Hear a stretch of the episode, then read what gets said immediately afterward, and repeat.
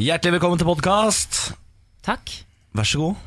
I denne podkasten kan du bl.a. Uh, få høre eh, fra Strilen, eh, den nye avisen som jeg har plukka ut og skal følge hele denne uka. Og Vi skal høre om saken eh, Grete og familien har drevet butikk i 54 år på Kløve. Den saken kan dere glede dere til, for den er faktisk overraskende god, mener jeg personlig. Ja, ja, Og vi har alle noe å lære, ja. Absolutt. Det. kjenner jeg. Vi som er av vår generasjon, triste, skjøre møkkafolk, kan glede seg til å høre hvordan det var før i tida. Ja, Før i tida da måtte du komme på jobb selv om du hadde ischias-smerter eller brukket foten. Og før i tida så kunne man ikke gitt ut og tenkt at det er godt nok. Sånn var det ikke før i tida. Ikke sant? Åh, Kanye. Det er lenge siden jeg har sett noe fra Kanye nå. Nei, men han har fått eh, holdt på å si, ikke munnbånd, holdt på å si. Har du fått Hva, hva, munnbånd? hva kaller man det? Munn- munnbånd. Munnbind. Munnkurv. Munnkurv! Bånd, bord, fått kurv av kona Kim Kardashian West. Å ja, ja, han er i karantene han, og må sitte inn på rommet sitt og slappe av Yes, litt. så det blir eh, altså poop the scoop snakker for seg selv. Det er eh, Det gjør sant. det, det gjør det. Vi ønsker deg eh, hell og lykke mens du hører denne podkasten. Takk for nå. Ha det. Hei. Nei, hei. Morgen på Radio 1. Hverdager fra sex. Altså I natt var puta mi så god som jeg alltid har vært borti. Jeg bytta nemlig sengetøy før jeg la meg i går. Åh. Og så eh, innimellom, du vet, innimellom så føles eh, senga mykere ut enn andre ganger. Ja. Ja. Føles som du har fått Ja, en helt ja, ja. ny seng. Som bare, det kjennes som hele madrassen bare gir deg en stor klem. Ja. Og sånn var det gjennom hele natten. Og så klemmer du den tilbake på en måte. Ja, og det var, altså, Vi var så gode venner i natt, ja, senga. Du vil ikke tro det.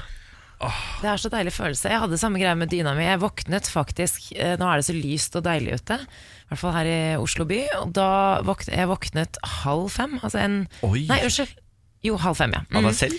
Av meg selv. Og var så uthvilt og glad. Og hadde litt den følelsen jeg sånn, «Ah, Nå kan jeg ligge en halvtime til. Og lå liksom bare og klemte dyna mi. Å, herregud, Tenk å kunne våkne opp så tidlig og i tillegg ha luksustid.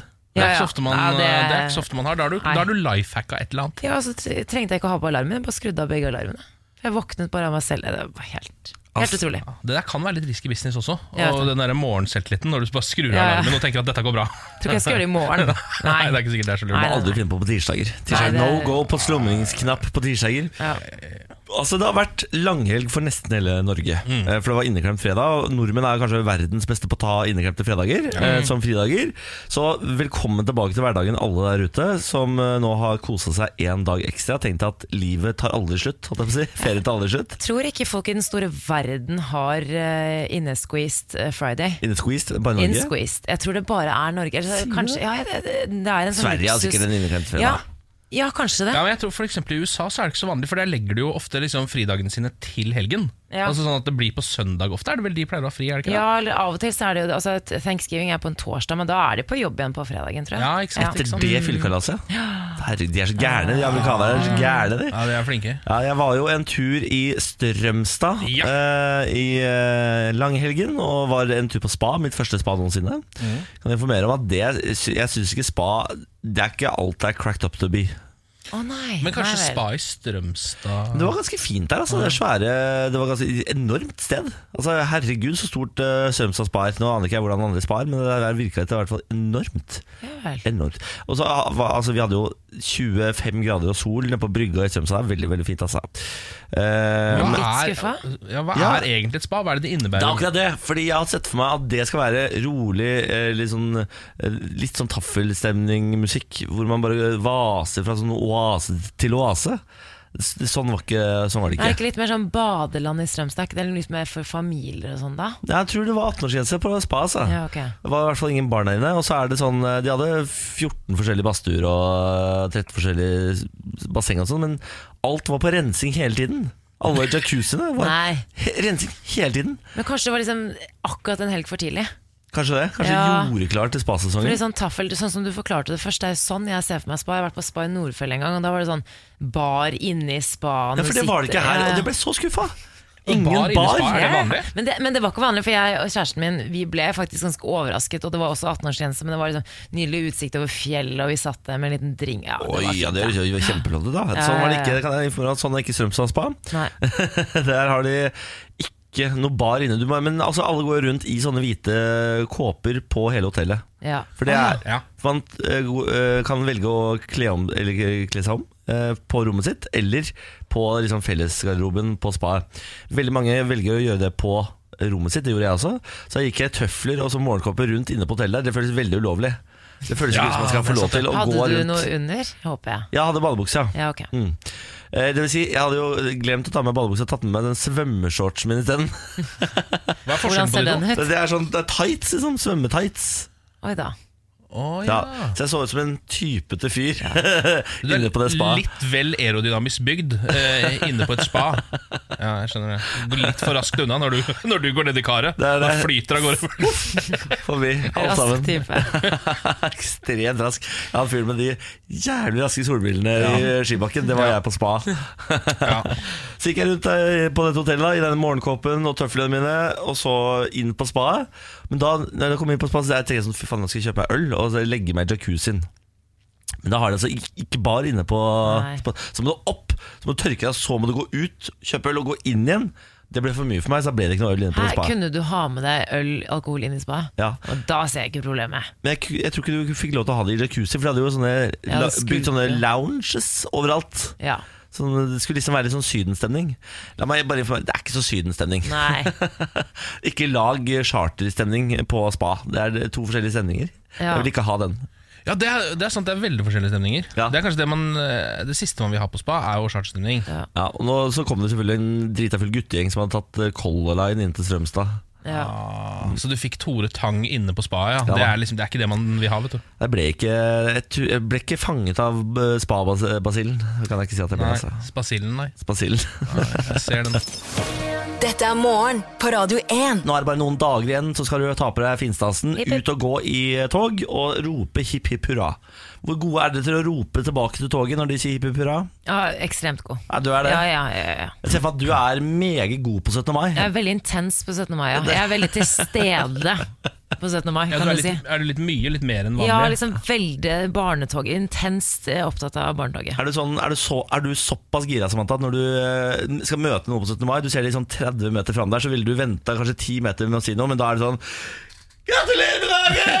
Ja, men det er meg. Det er, Og når jeg ser faen til skolen min, så blir jeg helt vill. er, er det sant? Ja, ja. Hva var skolen din? Oslo Montessori-skole. Ja, Den skal jeg se etter. OMS. Jeg pleier jo bare å stå på balkongen min og rope 'Norge! Norge!' Sånn står jeg. Ja, så mens Ja, jeg det er deg, sånn, ja. Ja, det er jeg som bjeffer. Norge. Det er det.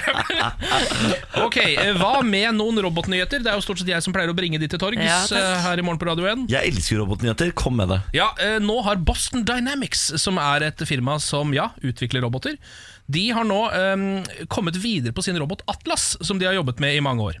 Eh, nå har Atlas lært seg å jogge på egen hånd. Er det sant? Ja, Atlas kan ta seg en joggetur. Ehm, den, er, den er kanskje litt grann klønete når den løper, men det ser akkurat ut som et menneske som jogger av gårde. Det her er jo noe av det jeg har venta på når det kommer til roboter. Fordi de har jo alltid beveget seg så inn i gamperæva rart. Ja, altså, de, ja. jeg har ikke kjøpt roboter fordi de, de, det går så Ja. sakte med de Ja. Og de, de, de, de har sånne rare måter og de, de, Hvorfor lager de ikke bare armer og bein, på en måte? Ja, øh, Denne er da ute og jogger, ser ut som et menneske, og så kommer den til en trestamme, og da klarer den også å gå over trestammen. Nei. Så så smart har den blitt. Det blir for vilt. Og det er ganske rått, men det er en ting som slo meg når jeg leste denne nyheten eh, sammen med veldig mange av de andre robotnyhetene vi har lest i det siste. Så er det Hvorfor er vi så innmari opptatt av å lage roboter som gjør det samme som det mennesker gjør? Altså Burde vi Ah. ikke egentlig fokusere mer På roboter?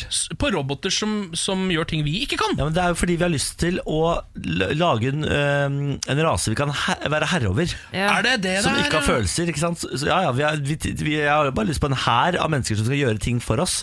Og vi har lyst til å kjenne det igjen eh, på liksom, De skal være litt som oss, bare Ja. ikke helt som oss. Ja. Og så skal de eh, kunne alle de hverdagslige tingene som vi ikke gidder å gjøre lenger. Lage mat, Ja, men rydde, vaske. som for, vaske. ja, men så, så for eksempel å jogge da Hva får vi ut av at en robot driver nå og jogger rundt? Det er nok folk Altså sånn, Denne roboten kan spille Playstation Ja, Det trenger vi på en jo, måte ikke Det kan jo skremme noen eh, altså, jeg, Hadde jeg sett en joggende robot, så hadde jeg bare Jeg hadde beina av gårde. Ja, ja. Jeg hadde blitt livredd. Ja, tror du, men tror du ikke de som lager roboter De lager roboter fordi de har lyst til å lage våpen? Hva trenger våpen å være? Raske.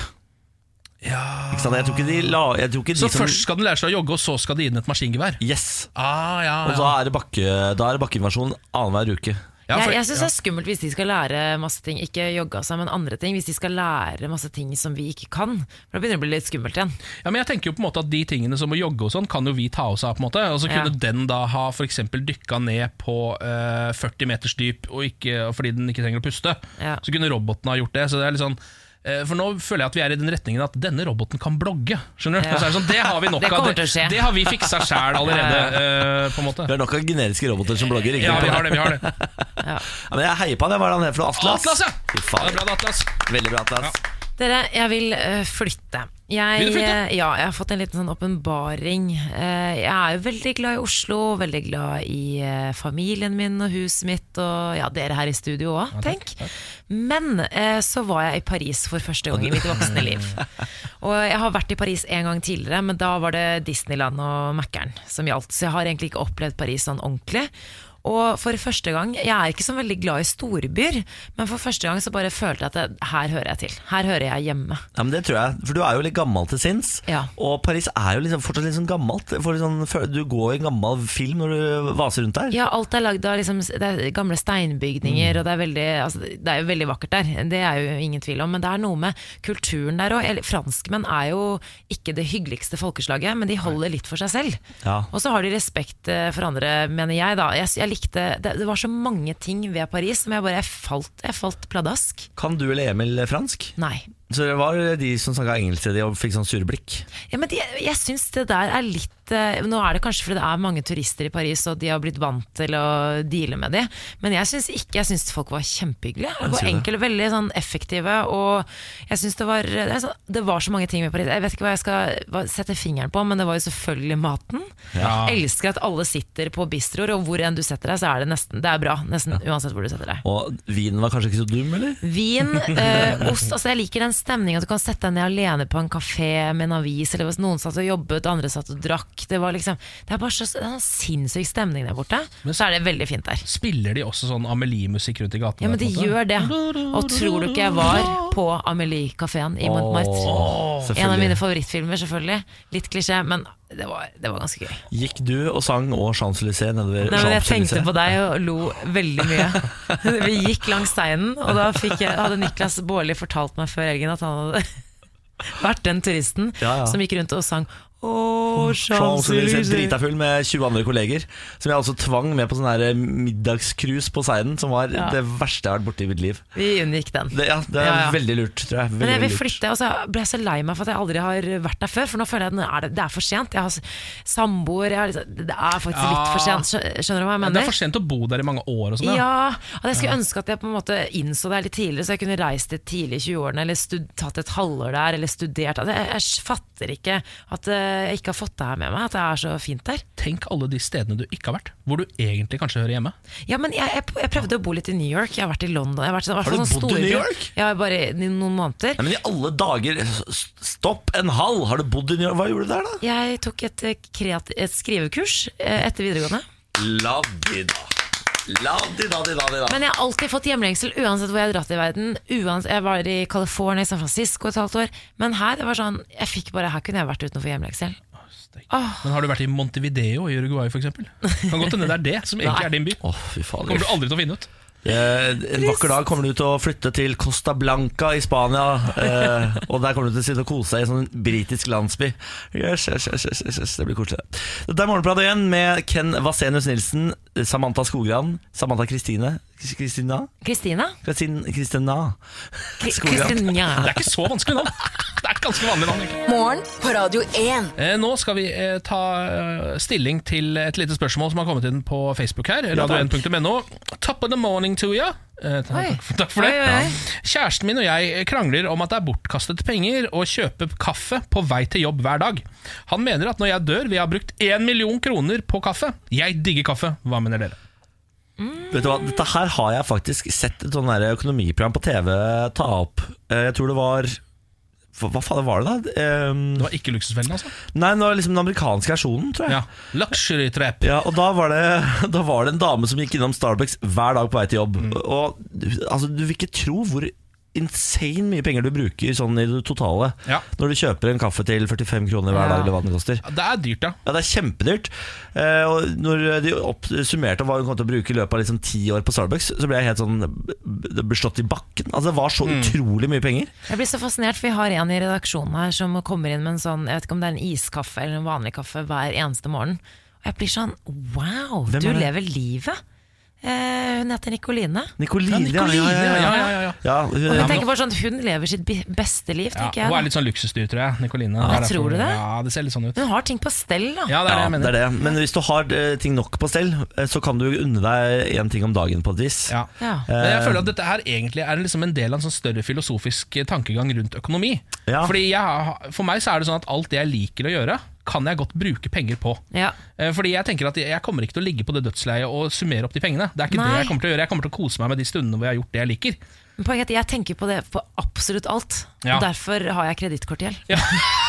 Ja, det er akkurat det. Jeg tror Luksusfellen er uenig med vår tankegang. Ja, nettopp, men jeg Eh, er enig i at man sånn, Hvis det er bare kaffen, f.eks., hvis det Ja. er det du unner deg, eller noe ekstra, det, det stemmer jeg for. Ja. Veldig, Men jeg har så mange sånne ting. Ja, det, er altså, det er ja, helt Man må begrense tingene, men si at du kan ha én sånn ting. Og hvis du velger kaffe, så kan du kjøpe Go det hver dag. Ja. Jeg har, vurdert, jeg har vurdert å bli økonomisk, jeg nå. Nei, men i alle dager, det blir slitsomt sånn- for oss andre. Ja, men jeg jeg, sånn lite grann. Altså, jeg bruker jo alle pengene mine hver måned. Det gjør jeg også. Og, og litt til. Nå har jeg klart å dra på meg eh, 10 000 kroner på Mastercard uten Jeg vet ikke hva det har gått til engang. Nei. Er det, skjønner ikke hvordan det er mulig. Kan det ha vært de fem-seks billettene du kjøpte til Tel Aviv nå nettopp fordi du trodde Melodi Grand Prix-finalen skulle være der? For eksempel. Kanskje det er der pengene går, da! Men det er sånn det på spontanting på full det. er Bare sånn, du skulle sett Niklas Baarli sitt ansikt da han innså eh, og hadde glemt at han hadde kjøpt Justin Timberlake-konserter. Ja. Nei, billetter med nett til konserten i Oslo. Altså Jeg var jo så lei meg, for jeg trodde ikke Justin Timberlake skulle komme til Oslo. Så viste det seg at det skal han, og du har kjøpt billetter. Ja, På fylla. Der ser du, så det er, kanskje det er, ligger noe der. Altså. det gjør, noe, det gjør noe kanskje det, altså. Når du tenker, ja, ikke sant Skal vi ta en liten tur inn i tenketanken, dere? Oh, ja. Tenketanken. For deg som ikke har vært i Tenketanken før, velkommen skal du være. Dette er det mykeste, deiligste rommet i hele radioprogrammet. Her inne må vi snakke med vår dypeste, fineste, roligste stemme. Og så får man lov til å stille spørsmål som de andre må ta på alvor. ja, det er liksom her vi Må filosoferer over alt som kan foregå i både liv og sinn. Da. Jeg hadde et mareritt her om dagen. Eh, og da, eh, da drømte jeg at jeg måtte velge om jeg skulle bli blind eller døv. Oi. Det klassiske store spørsmålet. Så valgte jeg å bli blind. Og så husker jeg at jeg angret gjennom hele drømmen. Altså, Marerittet gikk ut på at jeg gikk rundt og angret så utrolig. Og da var du, fikk du opplevelsen av å være blind i drømmen også. Så da tenkte jeg å ta dette spørsmålet videre til dere. Hvis dere måtte ta valget, blind eller døv? Oi. Føler at det er litt sånn klassiker at alle eh, Alle vil si at de ville valgt å være døv fordi at eh, synet er såpass viktig. Men tenk på alle de tingene man faktisk Jeg tror man skal ta en skikkelig runde på hva man mister ved å være døv. Aldri høre musikk. Det, det er kanskje det verste, syns jeg. Aldri høre musikk. Ja, men det er jo Jeg kjenner en som er døv. Hun eh, går masse på konserter, for hun liker vibrasjonene av musikken. Så hun opplever musikk, hun bare hører den ikke, sånn som oss. Ja, jeg tenker jo også Altså, Musikk er jo én ting, men hva med den gode samtalen, da, dere? Altså Det Ja. som på en måte egentlig er livet, på mange måter. Ja. Du kan, Kontakt man kan med jo mennesker. kommunisere, da, men det blir ikke på samme måte. Nei, ikke helt på samme måte, men det er sant, man, der har man i hvert fall muligheten til å De har jo funnet på en måte, en slags måte å høre på. Ja, de har jo det. Ja, de har jo det. Ja. Eh, Mens ja, blinde har jo for så vidt også funnet en slags måte å se på da, gjennom blindeskrift og sånn, så alle har jo liksom sine små fordeler. Jeg, jeg, dette dilemmaet tror jeg jeg har tenkt gjennom 10 000 ganger. Ja. Oi! Og jeg tror jeg havner på forskjellig side nesten hver eneste gang. Ja. Jeg havner alltid på, for jeg har veldig dårlig syn. Jeg har minus syv på begge øynene. Og har hatt dårlig syn siden barneskolen. Så synet, Jeg er veldig sensitiv på det med syn. Jeg er veldig redd for å miste synet. Blant annet. Så hver gang jeg får en sånn øyeinfeksjon, og sånn, så blir jeg sånn livredd og tror at jeg skal bli blind. Minus syv for alle som ikke har dårlig syn. Hva, altså, hva, hva tilsvarer det hvis du tar ut linsene? Hvor mye ser dere vanlig tenketank. beklager, herregud. Beklager. Vi har gjort det hele tenketanken. Hvis jeg ikke har på meg linser, så ser jeg ikke ansiktet til kjæresten min, eller detaljene i ansiktet til kjæresten min når vi kysser. Så dårlig syn har jeg. Såpass, ja. Så jeg ser ikke, jeg er fare for meg selv og andre ifølge øyelegen min. Hvis jeg mister linsene mine, så må jeg stå stille og få hjelp. Ja. Så jeg, dårlig ser jeg. Jeg tror jeg har jobba såpass lenge i radio at jeg har litt nedsatt hørsel. Altså Ja. bitte lite grann Ja, det har jeg også. Altså, det skjer så mye. Man har, sitter med Det sånn er derfor dere snakker så høyt og skriker. Det er derfor vi skriker så mye. Å, ja. sånn at. Um, men, og det er jo på en måte sånn litt plagsomt, men det er jo ikke i nærheten av hvordan det er å ikke kunne høre. Da. Mm. Så jeg på en måte føler at jeg har, noe, jeg har ikke noe erfaring her, bortsett fra de gangene jeg lukker igjen øynene og later som jeg er blind og går rundt i rommet, liksom. Mm. Uh, som det hender jeg gjør.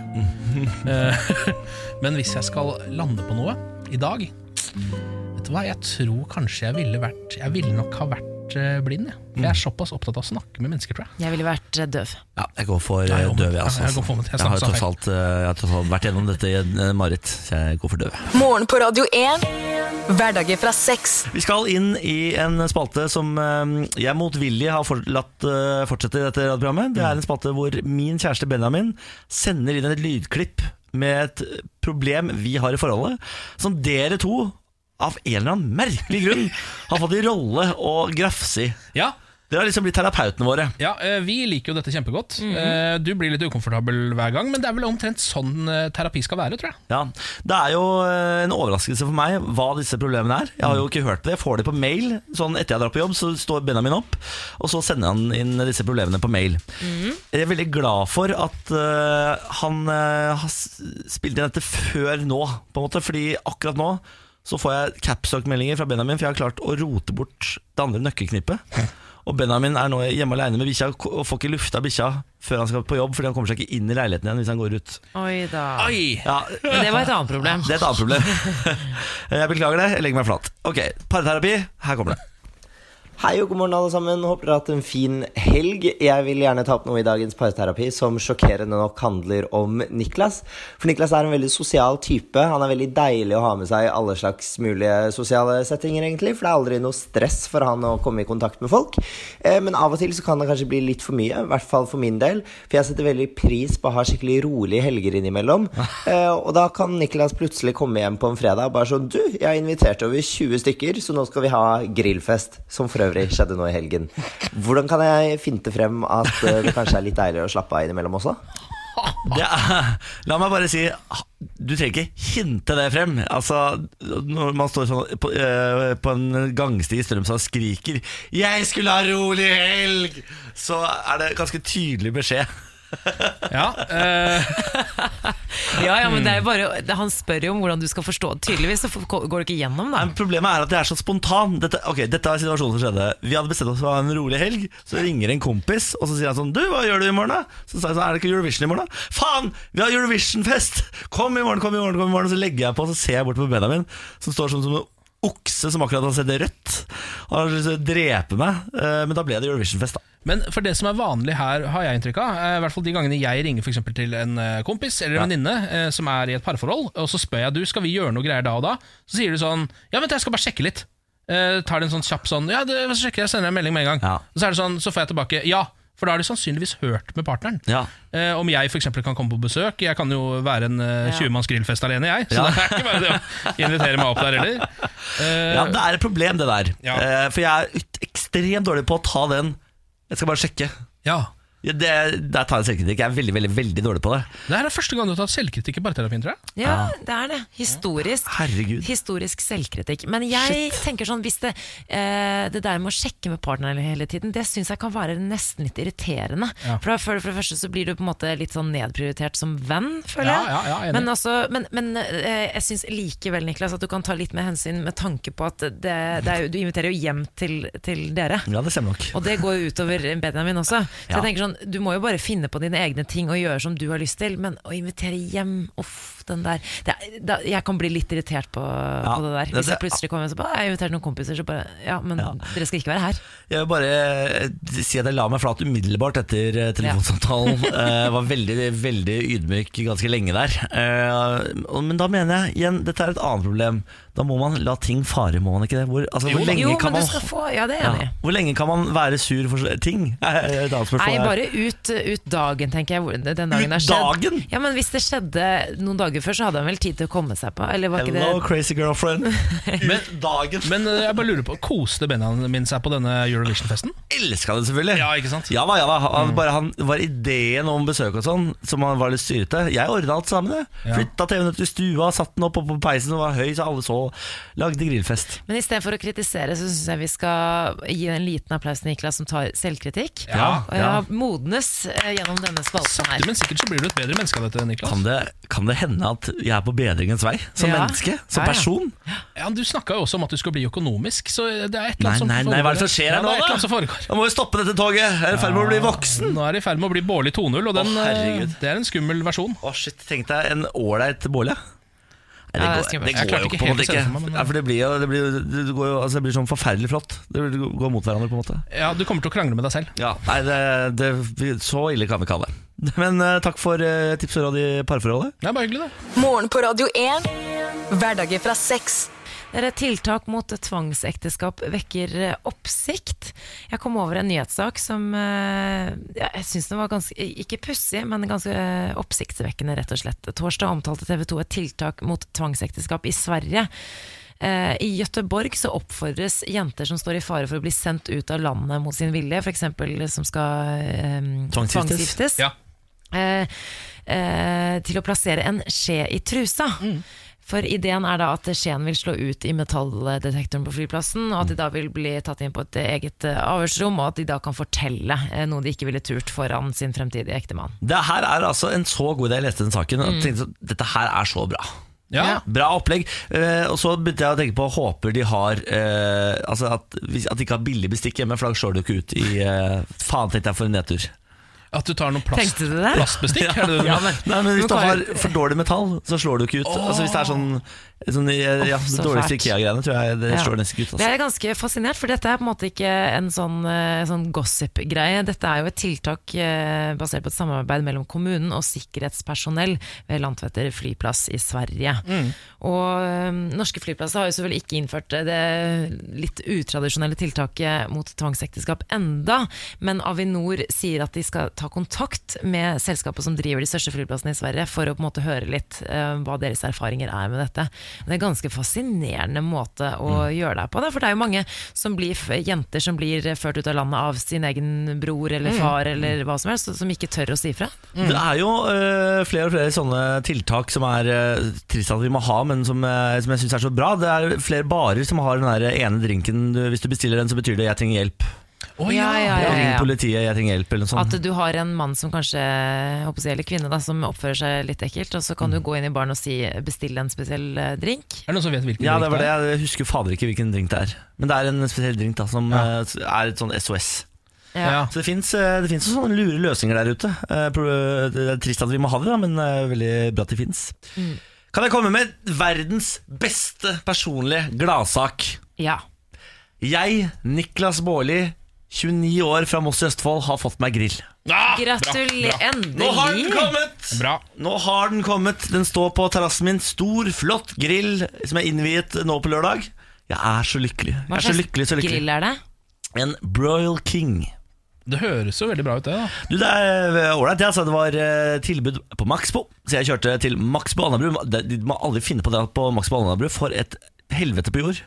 Hvis du tror Ikea er jævlig, å fitt fett. Uff. Men er folk Ja, ja riktig, Fordi da har de alt mulig sånn Ja, uteredskaper. ja. Og, ja. Og, det og hvis det er pent vær på en lørdag, så er det åpenbart Da skal hele Norge på Maxbo Ja, ja, ja, ja. Maxbo stormarked. Men jeg kom jeg inn dit, og hadde vært så lur at jeg tok sånn pick up and collect. Så jeg slapp å gå inn i butikken. Jeg kunne bare kjøre rett til vareutleveringen. Smack inn der. Ikke sant? Og så skal jeg hjem og begynne å skru opp, for du må skru sammen grillene. Jeg trodde de kom ferdig skrudd. Det gjør de ikke. Gass, eller? Er det det? Gass, ja. Ja. Eh, og sette i gang med å skru. Og jeg er jo, har åpenbart ikke IQ nok til å skru sammen noe som helst. Jeg må få Benjamin til å gjøre det, for han er smart nok til å skjønne hvor ting skal. Selv om han bruker bruksanvisning, skjønner ingenting. Så Benjamin hjelper meg med dette her, og så tenker jeg sånn Faen, jeg må ha sånn regulator, sånn slange og sånn. Så jeg kjører opp på Jernia eh, og sier sånn Hei, jeg må ha regulator. Ja, du kan kjøpe denne. Og så kjører jeg hjem igjen og fortsetter å skru, og så viser jeg at det fulgte med regulator, selvfølgelig, så jeg tenkte ikke å kjøpe den regulatoren. Nei. Og så kom jeg over en side hvor det står sånn Her behøves Robertson 1 og 2 Robertson 1 og 2 som er, hva, hva i helvete er en Robertson 1 og 2? Aner ikke kjøre på hjernen. jeg skal ha en Robertson 1 og 2. De aner heller ikke hva en Robertson 1 og 2 er for noe. Vi eh, leter gjennom hele butikken, googler og finner ut at det er et slags verktøy. En, altså en skrutrekker for idioter. Å, ja, en, er sånn egen skrutrekker. en selvfølgelig. Braco-sak, liksom? Ja, ja, bare firkanta. Eh, altså Så utrolig irriterende at vi ikke bare kan bruke vanlige skruer. Ja. Så eh, det viser det seg at Jernia har ikke noe Robertson 1 og 2. Så jeg drar på Elkjøp, de har heller ikke noe Robertson 1 og 2. Så drar jeg hjem og tenker sånn, det blir ikke noe grill i dag heller. Så viser det seg at det fulgte med en Robertson 1 og 2. Nei. Så da finner jeg denne Robertson 1 og 2, begynner å skru sammen denne grillen. Grillen kommer sammen. Eh, Benjamin og jeg begynner å krangle, selvfølgelig, for det gjør vi alltid når vi skal skru sammen ting. Fordi sånn fungerer ikke vårt parforhold, at vi kan samarbeide om å skru sammen ting. Nesten Nei, alle begynner å krangle når de skal skru på ting. Ja, fordi altså, ja. Man blir altså så irritert av å skru på ting. Når vi skulle skru sammen sengen vår, nærmere brudd har vi aldri vært. på en måte Nei. Da var det altså det villeste eh, sinnet jeg har sett fra begge kanter. Jeg skulle ønske at det kom eh, At skruer også kom i en slags sånn altså, Du har jo Lego, og så har du den store utgaven, Dip, Duplo. Duplo. Jeg skulle ønske det kom sånn med skruer òg, så det var litt større og lettere å få det til. Verden skulle vært bygd med Duplo. Ja, det synes jeg også. Det der kan du slenge på en solnedgang og legge ut på internett. Eh, Men så fikk jeg da denne grillen på plass, ut på terrassen, fikk kjøpt gass. Eh, Hvor kjøper man gass? Har dere noen altså. Hvis du skal kjøpe gass Bensinstasjon? Ja, det er riktig. oh, ja, du visste det, du. Ja. Jeg tenkte NASA, for eksempel, at det var de som hadde gass. Jeg ante ikke, så jeg begynte å kjøre rundt. For jeg følte sånn Har jeg ikke sett sånne gassbur rundt omkring? Så jeg kjørte rundt og så etter det. Og så kom jeg til Shell-stasjon, og da så jeg sånn AIG gass, eller hva faen det var. Så gikk jeg inn og kjøpte gass. Lurte han som jobba der, Fordi han tror jeg hadde sin første dag på jobb, eller sånn. Så jeg tror ikke jeg betalte for gassboksen. Beholderen. Beholderen, ja. Så jeg betalte bare 200 kroner for en gassbeholder. Det syns jeg var veldig billig. Ja, Det høres litt billig ut. Ja Ja. Men ble det god grillmat? Det ble så bra. Jeg er så god til å grille. Altså Herregud, så god jeg er til å grille. Ja. Alt før deg eh, var du ikke god på. Nei, men når den først er sa, eh, satt sammen Hva Jesus ble Christ. jomfrugrilltun på dette vidunderet? Jeg kjørte eh, to forskjellige typer fleskfileter som jeg hadde kjøpt i Sverige. Ja, det stemmer det. Svin indrefilet. Nydelig. Ja. Ja da, Så lagde jeg noen grønnsaker som jeg lærte av far. Da, vet du. Så det ble bra det! Velkommen skal dere være på grilling, begge to. Jeg kommer. jeg. Takk. Jeg må bare gi den navn først, men jeg lurer på om den skal hete Rolf. Ja, det høres riktig ut. Det, er, det føler jeg er litt sånn grillnavn, ja. Ja, Så da har jeg nå en grill som heter Rolf, jeg har en bikkje som heter Bjarne, og jeg har en bil som heter Vigdis. Velkommen til min familie. Morgen på Radio 1. Prins eh, Harry inviterer eksene i bryllupet. Er det Here, sant? here. Eksene, ja. Hvor mange har han egentlig? Han har et par, men han har to eh, seriøse forhold bak seg. Er det sant, ja? Prins Harry har et så godt forhold til ekskjærestene Chelsea og Cressida at de trolig Altså, det står Cressida, men jeg tror man uttaler Cressida. Ja. Ja. Eh, At de trolig står på gjestelisten når han gifter seg eh, med Meghan Markle lørdag 19. mai. Eh, Hun tillater altså at hans to ekser får komme. Det er antatt at rundt 600 mennesker står på gjestelisten til bryllupet. Hva syns vi om det? Når man først har 600 mennesker på gjestelista, så mener jeg da er det plass til to ekser. De Du kommer jo ikke til å se det uansett.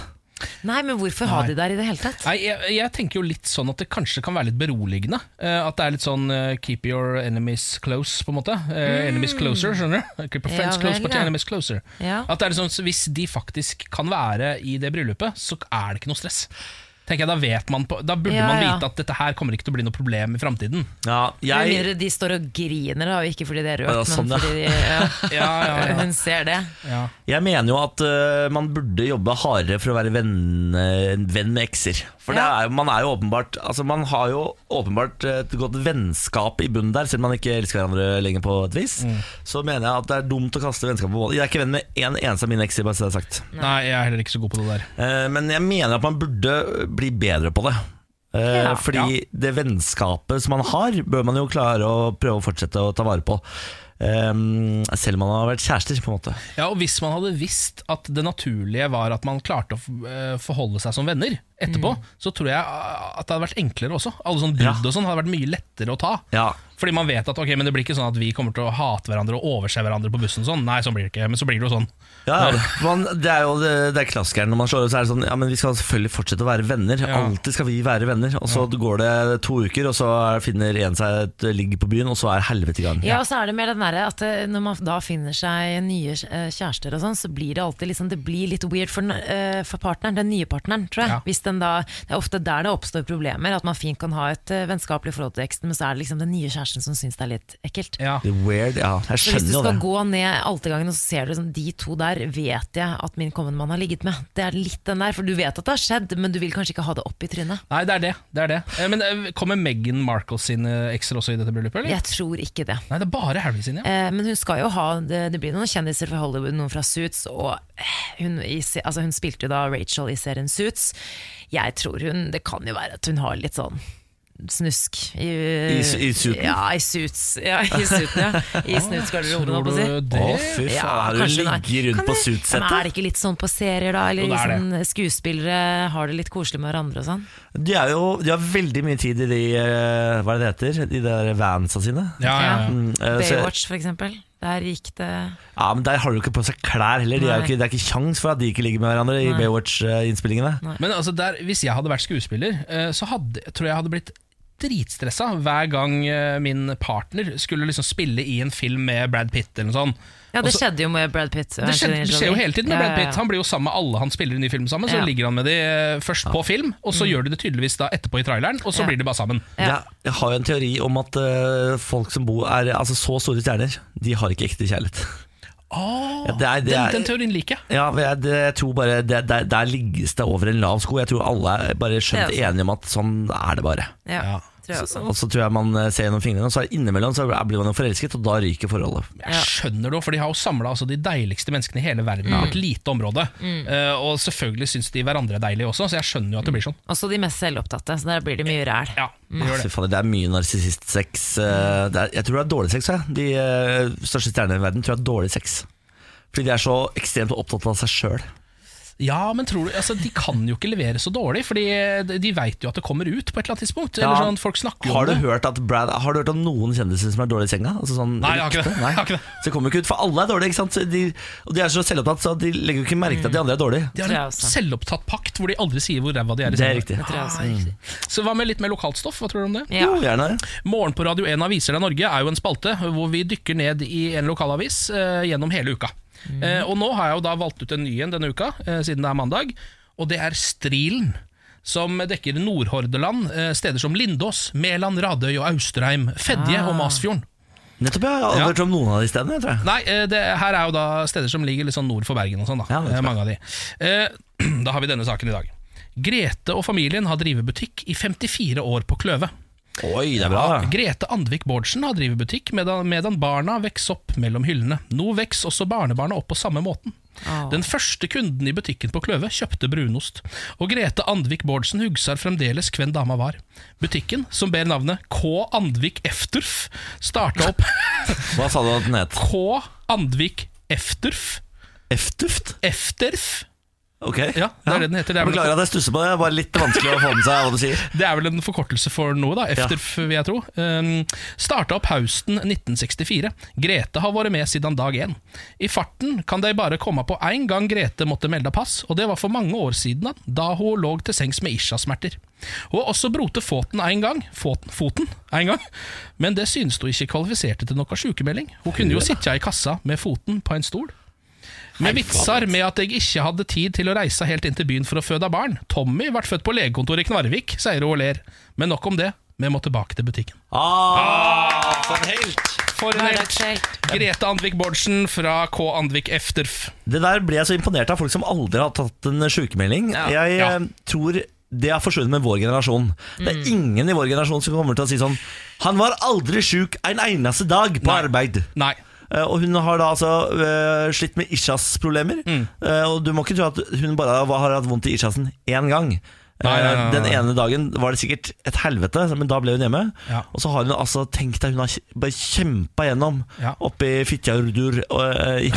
Kløve, ja. Kløve, som det ja. heter. Nei, Med vår generasjon så hadde denne isjasen uh, først ført til depre, dyp depresjon, Ja, eh, og så uh, utbrenthet, krystallsyke og angst. Og så hadde hun aldri vært på jobb igjen resten av livet. Men hun kunne starta en rimelig rå podkast, da. Ai. kunne hun ikke det? Mhm. Uff, penga hadde rent inn. Men Hildur, var det det hun het? Eh, Grete heter hun. Det, du, altså Alt ute i distriktet heter ikke Fitjar og Hildur. og Altså det, er, det er mye som gjør det òg, men ikke alt. Dette er Grete fra Kløve, ikke Hildur fra Fitjord. Hvor er det vi får det fra? Jeg ikke. Det er hjernen, du, får det, du får det fra hjernen din. Ja, det er det. Du må skylde på Den hjernen din, rare hjernen. Morgen på Radio 1. Eh, Vi har fått inn en melding på Facebook, radio1.no. Eh, Den kommer fra Ruth. Hei, flotte folk. Jeg skal i møte på jobben i dag om hvorvidt vi skal ha åpent kontorlandskap eller ikke oh. i de nye lokalene vi skal flytte til.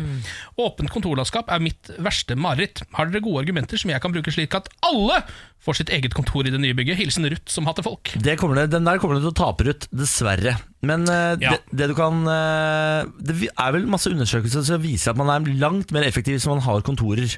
Ja. Men uh, det går alle imot, og så er det billigere å ha dere i åpent kontorlandskap. Men det du skal vite, det er at hvis du bor, eller jobber i et ganske støyete åpent kontorlandskap, så har du krav på sånn helse, sånn verneombudsmessig, et sånne eh, Hva heter det? Sånn noise cancelling headset. Ja, Ja. vel, ja. Det fikk alle i P3 fordi eh, vi eh, satt i åpent kontorlandskap, og der er det jo ekstremt mye unge folk som skriker og her- herjer mye. Jeg var en av de. Ja.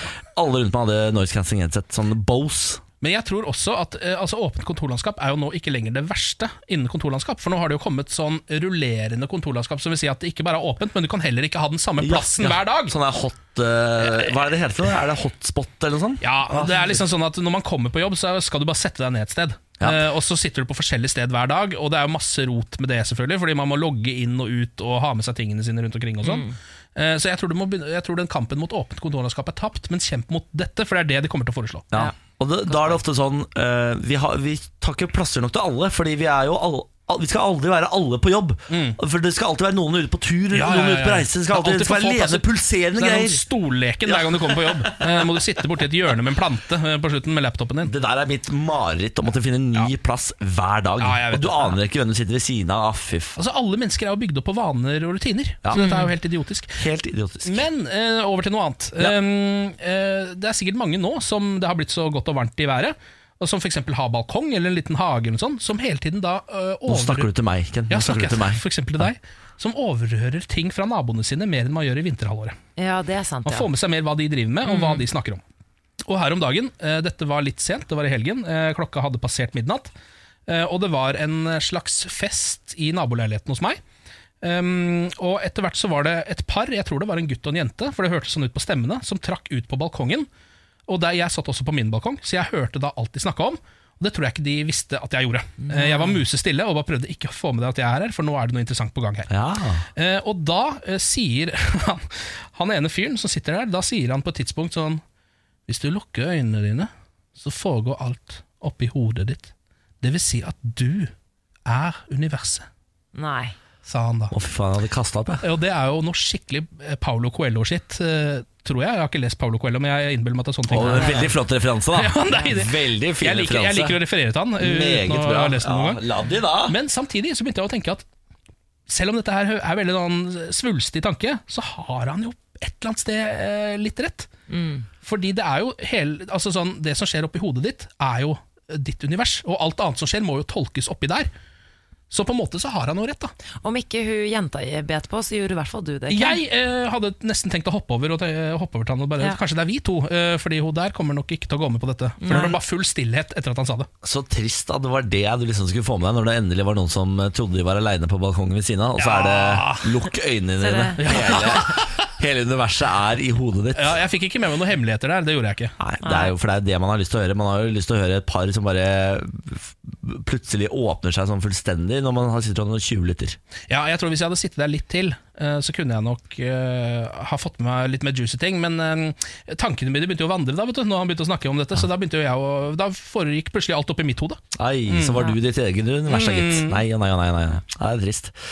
I helgen så hadde MDG, Miljøpartiet De Grønne, landsmøte.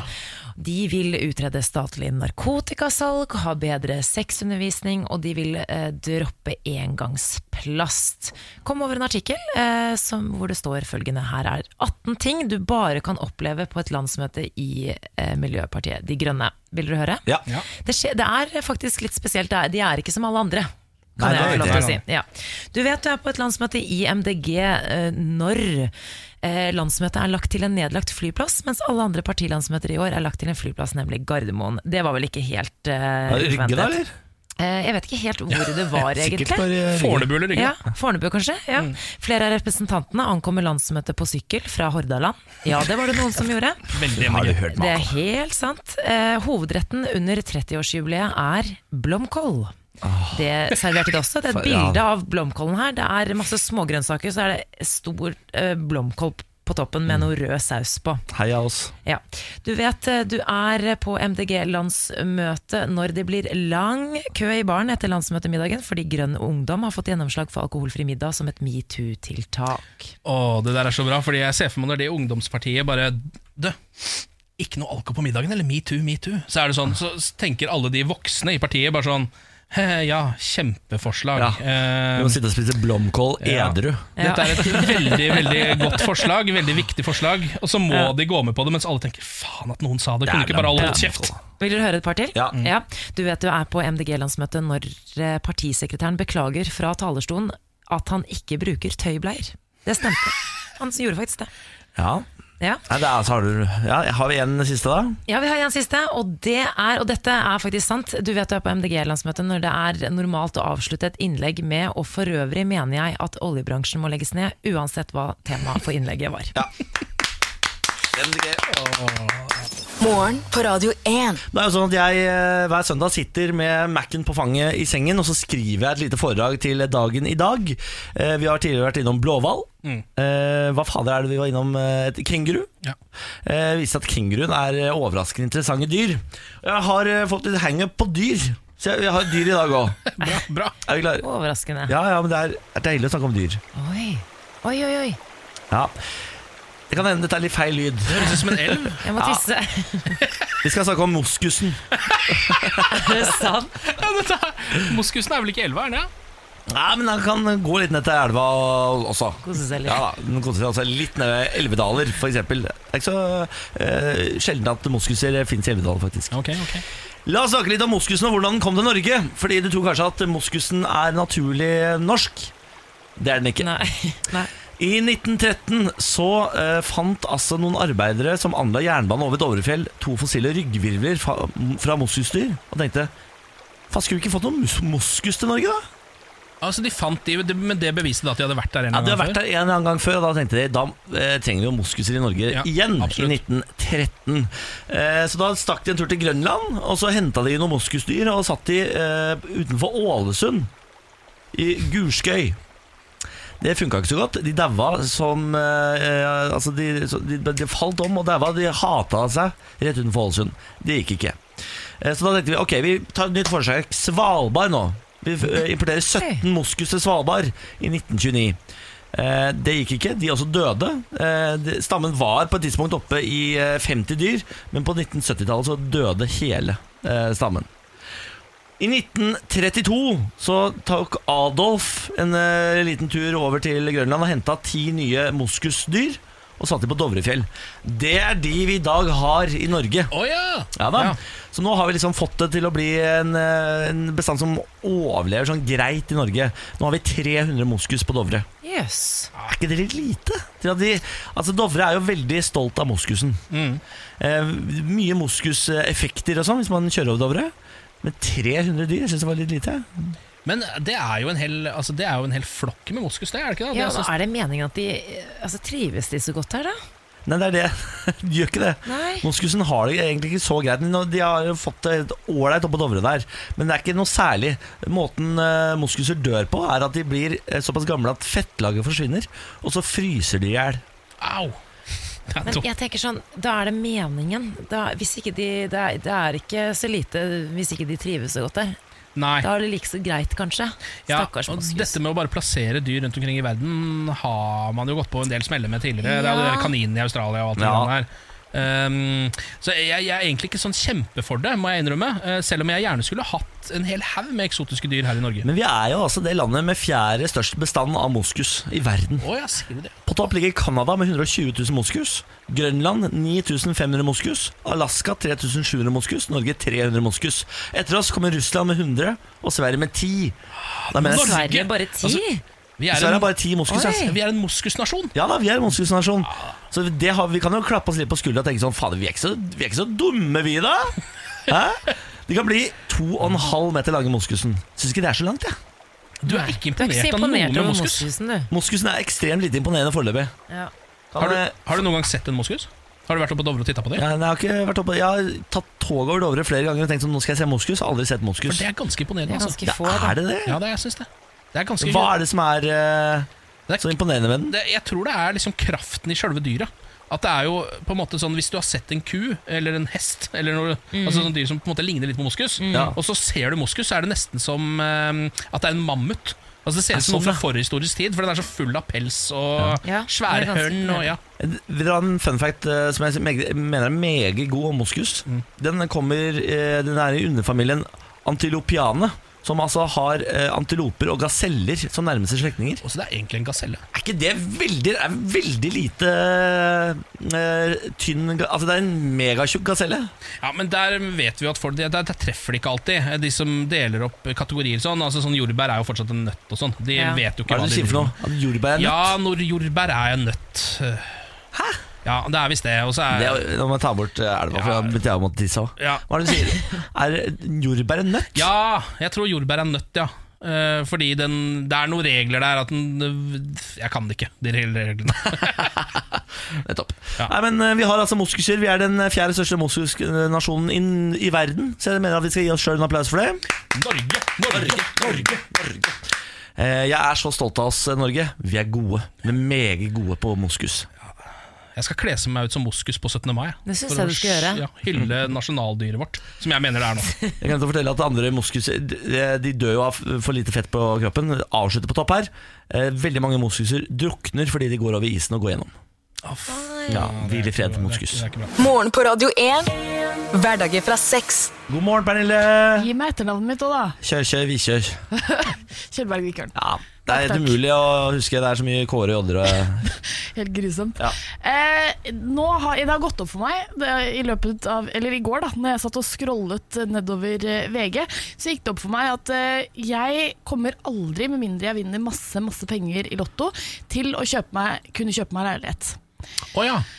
Fordi eh, en leilighet i Nydalen i Oslo på 14 kvadratmeter, jeg gjentar 14 kvadratmeter, ble solgt for 1,94 millioner norske kroner. Herregud. Altså, Det er kanskje i overkant. Det er det er altså så mucho expensive at eh, jeg blir helt svett i eh, magen. Altså, det er ikke engang Det er mikrobølgeovn, det er ikke ovn engang. Altså sånn til det- å lage mat. For det er ikke plass til ovnen. Det, det er kjøkken, så det er på en måte én platetopp med én det er Så vidt jeg kan se her, da, så er det en platetopp med én sånn der kasserolle, plass til en kasserolle, og så er det mikrobølgeovn. Og et lite, lite kjøleskap. Men så er den fin, da? Altså, Det er ikke så mye bilder i denne E24-artikkelen, men den ser ikke noe Det er ikke, det er ikke grand luksus, dette her. For Det er ikke et fint hotellrom på 14 kvadrat, liksom. Altså 14 kvadrat, hva er egentlig det? Hva får man på en måte da? Det er eh, terrassen på min nye leilighet. Jeg Ja. bare informerer om det. Ja. Ja, ikke sant? Eh, Nei, men vent, skal vi se. 17 var det, da. Nei, så det er faktisk Å, ja. litt- er Men jeg skjønner at du blir demotivert, Pernille. Det skjønner Ja, jeg altså sånn, faktisk. I alle dager, Kvadratmeterprisen på denne leiligheten er da 138 736 kroner. Men det gir meg jo noen ideer. Hvis jeg glasser inn terrassen min, så kan jeg jo få to millioner for kroner. da. Ja, det, Selge. Det er det er faktisk ikke så dumt, det. Nei. Det hadde jeg kanskje da vurdert å gjøre, for da kan du nesten finansiere hele leiligheten din. 14 kvadratmeter. Men, men jeg må innrømme at jeg, altså det kan kanskje være litt ålreit, Pernille, å høre. Fordi jeg mener at der har vi måte, vi nordmenn har blitt helt gale etter å å kjøpe, kjøpe. leiligheter. på en måte Og det er jo ikke sånn i resten av verden.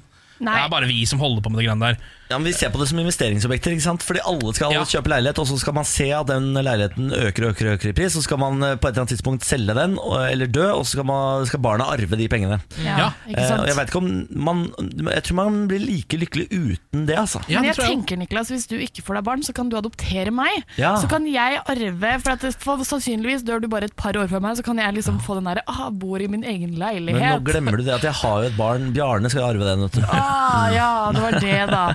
Skilpadden Bjarne. Skilpadden! Skilpadder er de eneste som lever lenge nok. Ah, ja. Rest in peace. Eller blåhval, da. Eller blåhval. Men dette Eh, her er trist, trist opplegg, ja. Det må jeg bare si. Er altså sånn Hvis du starter med BSU, vet du, Pernille, så kommer du til å få deg leilighet før du vet ordet av det. 25 000 kroner i året, det. Ja. Det er ikke så mye. Du Ja, men får hvis du ikke- venter i ti år, da, så har du jo egen- egenkapital. Lykke til. La oss ta en tur tilbake til Israel. Vi har snakka mye om Israel i dag. Eh, Det vant jo annet Eurovision, snakka litt om det. Og så snakka vi litt om ambassaden til USA som skal åpne i Jerusalem. Eh, Og det er det altså folk som er så utrolig fornøyd med. Eh, Et fotballag borti Israel der nå, eh, Beitar Jerusalem, de er så Ja. ekstremt fornøyd at de har bestemt seg for at de skal nå hete Beitar Trump Jerusalem. Nei, De skal bytte navn på fotballklubben. Det er så dumt. Jeg, blir altså, altså, jeg tenner jo på alle plugger når det er snakk om Israel, eh, så jeg blir, blir irritert. Jeg er en pro-Palestina-fyr. Eh, Kvinne eventuelt. kvinne Nei, Eller kan eh, fyr også. Ja, for fyr det er som kompis. Ikke oh, ja, sant? Det kan både være jente og Ja. gutt. Ja. Uh, Jeg trodde det var Skreppe jeg, som var mot. Ja. Det var, på, det var på Hvertfall fra nå. Ja, 60-tallet. ja, ja, ikke ja, da levde ikke jeg, men ok. Så Jeg jeg trodde det er var lille venn som Ok, kjør Jeg, på. er, jeg liker ikke Israel, eller jeg liker ikke måten Israel behandler folk på. Jeg hater at Trump skal åpne den jævla ambassaden, og derfor hater jeg altså dette Trump United fotballaget. Gå og ikke Ja. dø. Ja, jeg jeg syns jo de skal få lov til å hete Beita Trump i Jerusalem. Det er jo et ekstremt dårlig navn på Jeg har faktisk sett dette fotballaget spille, tror jeg. Hvis jeg ikke tar helt feil. Hvorfor er du det, da? ha, uh, hva er det jeg så? Jeg var, i, jeg var i Israel og så fotballkamp. Da så jeg ha, ha, Hva er det det største laget etter? Hafa etter Hafa Haifa. eller. Haifa eller noe sånt? Ja. Ja. Mot dette Beita, tror jeg. Ja. Jeg tror Beita tapte mot Haifa. ja, sier du det? Ja, nå kommer de ikke til å tape nå som de heter uh... Nei, nå får de jo guddommelige krefter. ja, ja, Altså, jeg gir de tre år, jeg også er Trump ute av office, og så, og så eh, skjer et eller annet skikkelig Ja, fryktelig. nå hå- overser du det at det er flere land som også har blitt enige om eh, med Israel om å flytte ambassaden sin til Jerusalem. Ah, fy faen. Flere og flere, flere kommer til å gjøre det. Jeg vil ikke si hvem ennå, for det er jo litt sånn eh, betent. Det der greiene der. Hvis Norge gjør det, så flytter jeg ut. Ja, Hvor skal du flytte da? Sverige? Da flytter jeg til et land som eh, anerkjenner Palestina som egen stat. Og Jerusalem som en fristat, holdt jeg på å si. Ja, Palestina kan du flytte til eventuelt. Da. Ja, det. Ja, det kan jeg. Veldig fint i uh, Rundt stripa Hebron, f.eks. er kjempefint. Mm. Morgen på Radio 1. Hverdager fra seks. Jeg driver ikke med noe som helst form for fysisk fostring. Eh, det eneste jeg gjør, er å gå fra og til bussen. Av Bra! og til. bra Ikke sant. Tar runde rundt 4000, kanskje jeg er veldig stolt hvis jeg klarer 6000 skritt på en dag. Det er ikke så gærent. uh, og Så du har skritteller, men driver ikke med du, å gå gå inn? har det på mobilen, ikke sant? Ja, man har det faktisk det. Uh, men så uh, ble jeg tatt med på blåtur på lørdag. Og først en, en og en halv time i hoppetrampolinepark. Det kan, vi, kan vi legge ned den trenden der? Men det er veldig gøy. Det er altså kjempe, kjempe, kjempegøy. Det er ikke lov å være full der engang. Nei, vet du, men det er veldig gøy. Altså sånn, man, det er, man er et barn igjen. Men så, etter en liten pause på to timer, så var vi videre på Fangene på fortet. Eh, et slags eh, et, Og Fangene på fortet, det er jo da Jeg trodde jo at det var sånn escape room-greie, at du liksom måtte løse rommet for å komme inn i et annet rom. Men det er det ikke. Eh, det er bare om å gjøre å få du må bare gå liksom inn og ut av rom så mange ganger du vil, og så er det om å gjøre å få 100 poeng per romtype, da. Var de to kortvokste Pass på ti og Pass på to fortsatt der, eller har de Dessverre. Ja, det var ikke, noe ti- da? ikke noe tigre og ikke noe visemann i tårnet heller. Og det var litt skuffende. Eh, men eh, på tross av at jeg tenkte at herregud, nå har jeg det skikkelig skikkelig gøy, Pass på Eh, sånn! legong! så tok det ca. Liksom 15 minutter etter at jeg var ferdig, og så kjente jeg sånn Å, jeg klarer nesten ikke å reise meg fordi beina mine rister så fælt. Nå har jeg altså trent for mye i dag. Eh, og jeg er altså så støl at eh, jeg går som en ja, jeg vet ikke, 80 år gammel dame med litt hofteproblemer. Eh, og det er sånn hver gang jeg skal sette meg ned på do, så blir jeg sånn ha! Ja, sånn, ja. Ja, Mm. så jeg, jeg har aldri hatt så mye blåmerker eller vært så støl. Jeg har trodd at jeg har hatt en underjordisk kvise på panna i mange dager, men det viser seg at det er bare et blåmerke. Jeg har, i, altså, jeg har kul i panna! Det er det som er litt spesielt med fysisk fostring, at det virker jo usunt. Ja. for Man får jo altså så vondt i hele kroppen. Kroppen min er ødelagt. ja. Man, jeg syns ikke man skal drive med det. Nei. Hva er det ikke denne artikkelen som går rundt hele tiden om eh, denne professoren som sier sånn Hvis du skal drive og jogge, skal du være jævlig glad i å jogge, for du eh, forlenger ikke livet lenger enn det du faktisk jogger. Ja, det er akkurat det jeg også tenker. Og da mener jeg Dag, det gidder jeg ikke, ass. Nei, jeg, jeg mener jo at hvis, hvis fysisk fostring er så viktig eh, som det de skal ha det til, så burde jo kroppen belønne deg for det. Eh, Ja, du det gjør du komme hjem og så ja, ja, Du ser jo rimelig digg ut Ja, hvis du trener nok. på en måte Ja, men det er på en måte bare en belønning til alle de andre som skal se på din vakre kropp. Men jeg mener at den burde på en måte da også når du kommer hjem, så er det sånn Å, fy faen, nå er det jævlig godt i låret. Jævlig deilig i låret nå. Ja. Skjønner du hva jeg mener? Det skal være sånn oh! Det skal liksom nesten sånn at du får en litt sånn orgasmisk følelse i kroppen. Ja. Det er det trening bør gi deg. Og jeg driter i disse endorfinene, for det har jo ikke en dritt å si når jeg ikke klarer å gå på do engang. Alle, ja, for det, det er det, det er det som irriterer meg mest med kjæresten min. Han trener jo hver dag, eh, i hvert fall. Og han sier sånn Det er så deilig etterpå. Ah, så deilig etterpå. Bare, ah, det er jo faen ikke deilig etterpå. Men her har du et Den største generasjonsproblem. Jeg har hørt. Alt det dere sier nå er liksom bildet på millennials. Eh, ikke liker vi å jobbe hardt for noe, nei. og hvis det ikke føles godt, nei, da skal vi faen ikke gjøre det. Her har vi et problem. Ta, skjerp dere alle sammen. Av og til så må man jobbe litt hardt for å få litt belønning. Takk for meg. Oi, hør på oi, da oi, oi. smalt det Jeg har ikke trent på to måneder. Jeg har mistet det fullstendig, så jeg snakker faktisk oh, Det smalt ikke fra rett kjeft Nei. akkurat nå, men bare litt sånn Jo, klaging. det, er no, klaging. det, Klaging, klaging, det er noen mennesker som ikke har lov til å uttale seg. Det er f.eks. Ja. de som trener dagen derpå. Ja, Eh, Samantha Det er eh, lenge siden jeg har gjort. Jeg har sluttet å trene. Så jeg kan, Og du har blitt et bedre si. menneske. Jeg siden. meg litt. Veldig bra. Jeg syns vi alle skal legge på oss. jeg. Jeg skal ikke legge på meg så mye Jo da, alle skal vi legge på oss. Ti to- kilo til! Ja, ok da, ok Ti kilo, ti kilo! Morgen på Radio 1. Det var podkast. Eh, Ja, det var det absolutt. Det tror jeg ingen kan motsette seg. Sant det, Egen? Det er sant det. Det jeg synes det var så behagelig. Det var ingen synging inn eller ut av podkasten. Du la merke til det, ja? Ja, det var nydelig. Jeg- Syns du Niklas har li- eh, Syns du ikke hans sangstemme er liksom helt der oppe med de andre? Nei, jeg syns ikke det. Det er ofte det han synger som er problemet. At han er dårlig på tekst? Ja, Ja. Å ja, jeg er dårlig på tekst. ja. Jeg synes jeg Jeg er ganske ikke noe god på tekst. bedre selv. så- Freestyle. Ja. Rock the microphone. Det er en av grunnene til at jeg fikk dreads i en alder av 20 omtrent. Var det en Bumfunk MCs? Ja, eh, Han i Bumfunk MCs-videoen har jo noen flotte bleka dreads som han bærer rundt Mm. Yes. på ulike finske T-baner. Mens han Eh, styrer verden i Ja. tid med den MP3-spilleren sin. ja. Jeg husker de danserne. Jeg syns de danset så kult. Ja, ja, Har jeg fortalt deg det? Har vært på Bumfunk MCs konsert. Nei. Ja, det har jeg vært. Og jeg hadde akkurat fått meg en ny laserpenn på klokka. For dette var på Momarkedet i Indre Østfold. Eh, og da hadde jeg fått klokke med laserpenn som jeg sto og lyste i fjeset på han med dreads hele konserten. For han med dreads spiller i bandet? Ja, ja, Jeg trodde han bare var en skuespiller som var med i Nei, videoen. Nei, er det ikke, nei, nei trom, han er trommis. Han er trommis i bandet! Ja, jeg tror det. Ah, okay. Så eh, ja, jeg anbefaler alle å dra på Bumfunk MCs konsert hvis dere har mulighet til det. ja, hvor mange Hvorfor er ikke de på We Love the Lever de 90s? fortsatt? Ja, Hvorfor er ikke de på We Love the 90s? Jeg lurer på om de var eh, tidlig 2000. At det er derfor de ikke får lov å Ja, være We. Love the 2000s har jo Ja, Det kunne de vært med. De kommer. Det kommer Ja, ja, sikkert. Wyclef Jean kommer, Nelly kommer. det skal jo komme. Og det er gøy Love gøy. the 2000, det er kjempegøy. Ja, det er veldig gøy. Shaggy kommer jo, Men tror jeg. veldig rart at det er en greie nå, plutselig. Nå begynner vi vet. alle å bli gamle. Jeg føler meg veldig gammel når det er sånn Å, nå lever vi plutselig av Wyclef Jean. Eh, han tok jeg dønn seriøst i mange år. Nei, men lever han Åh, da? hva er den, hva er den The strippelåta hans Fugees, heter? altså hallo. Vi, må jo, vi Men kan hva ikke er glemme det det. strippelåta til Wyclef Jean het igjen? Ja, han, ja, ja, han eh, Åh, hva er den het, da? Gentleman Gen, ja, eh, Perfect Gentleman, tror jeg den het. Ja, jeg kunne Jean. hele den. Jeg lærte meg den rappedelen av den utenat. Han er jo også en dag. eh, ganske essensiell del av Hips Don't Lie. Det må vi jo heller Ja, aldri glemme. Wyclef Jean Det er jo han som sier 'Shakira, Shakira'! I never knew I would dance like this. Og han synger jo også da i denne låta med en dialek dialekt han egentlig ikke har. Ja. Kan jeg bare hylle Han sang jo under Nobel, altså Nobelkonserten for noen år siden. Fikk stive nordmenn til å reise seg og danse. Det er Ah. noe av det morsomste og tristeste. Når Mette-Marit står der og vugger eh, For de som ikke har sett det, så vil jeg anbefale å gå på YouTube og se. Mette-Marit Håkon sin lab var ute og Altså, altså, er det mulig å ha så svake håndledd? Altså, Men jeg, jeg tror kongelige tenker at siden de skal jo vinke på en sånn spesiell måte med sånn litt sånn slapp Ja, håndledd, ja, ja. så jeg tror de tenker at de må gjøre det uansett hva de gjør. Jo, men Du skulle tro liksom eh, at Krompen hadde vært nok på festival til å vite at Ja. du labber altså, han, Ja.